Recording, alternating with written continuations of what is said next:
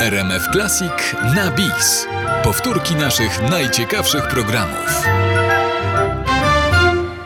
Bliskie spotkania RMF Classic z reżyserem i dyrektorem Teatru Muzycznego Roma. Droga do autorskiego teatru muzycznego była długa, ale bogata w osobowości światowego formatu, które odcisnęły piętno na młodym, wtedy aktorze ze wschodu.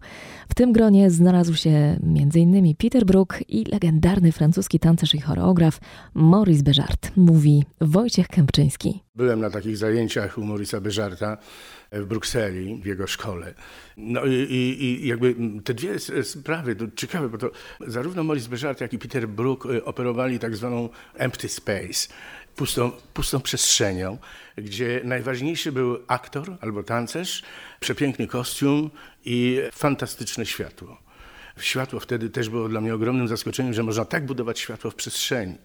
Wówczas, to pamiętam, y, Peter Brook robił Tymona Ateńczyka w takim teatrze Nord.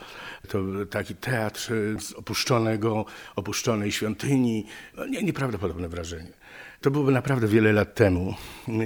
Ale, ale jakby ten Paryż i ta Francja bardziej mnie ukształtowała niż Londyn. Do Londynu zacząłem jeździć znacznie później.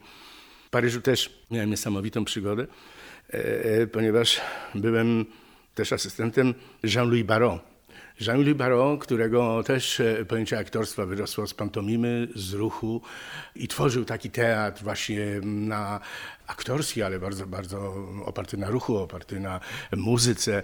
To była sztuka Le Nuit de Paris, Retif de la Breton, a główną rolę grała Anna Prucnal, z którą się wówczas zaprzyjaźniłem. A takie czasy francuskie bardzo, bardzo sympatyczne, które ukształtowały też moje, moje widzenie teatru.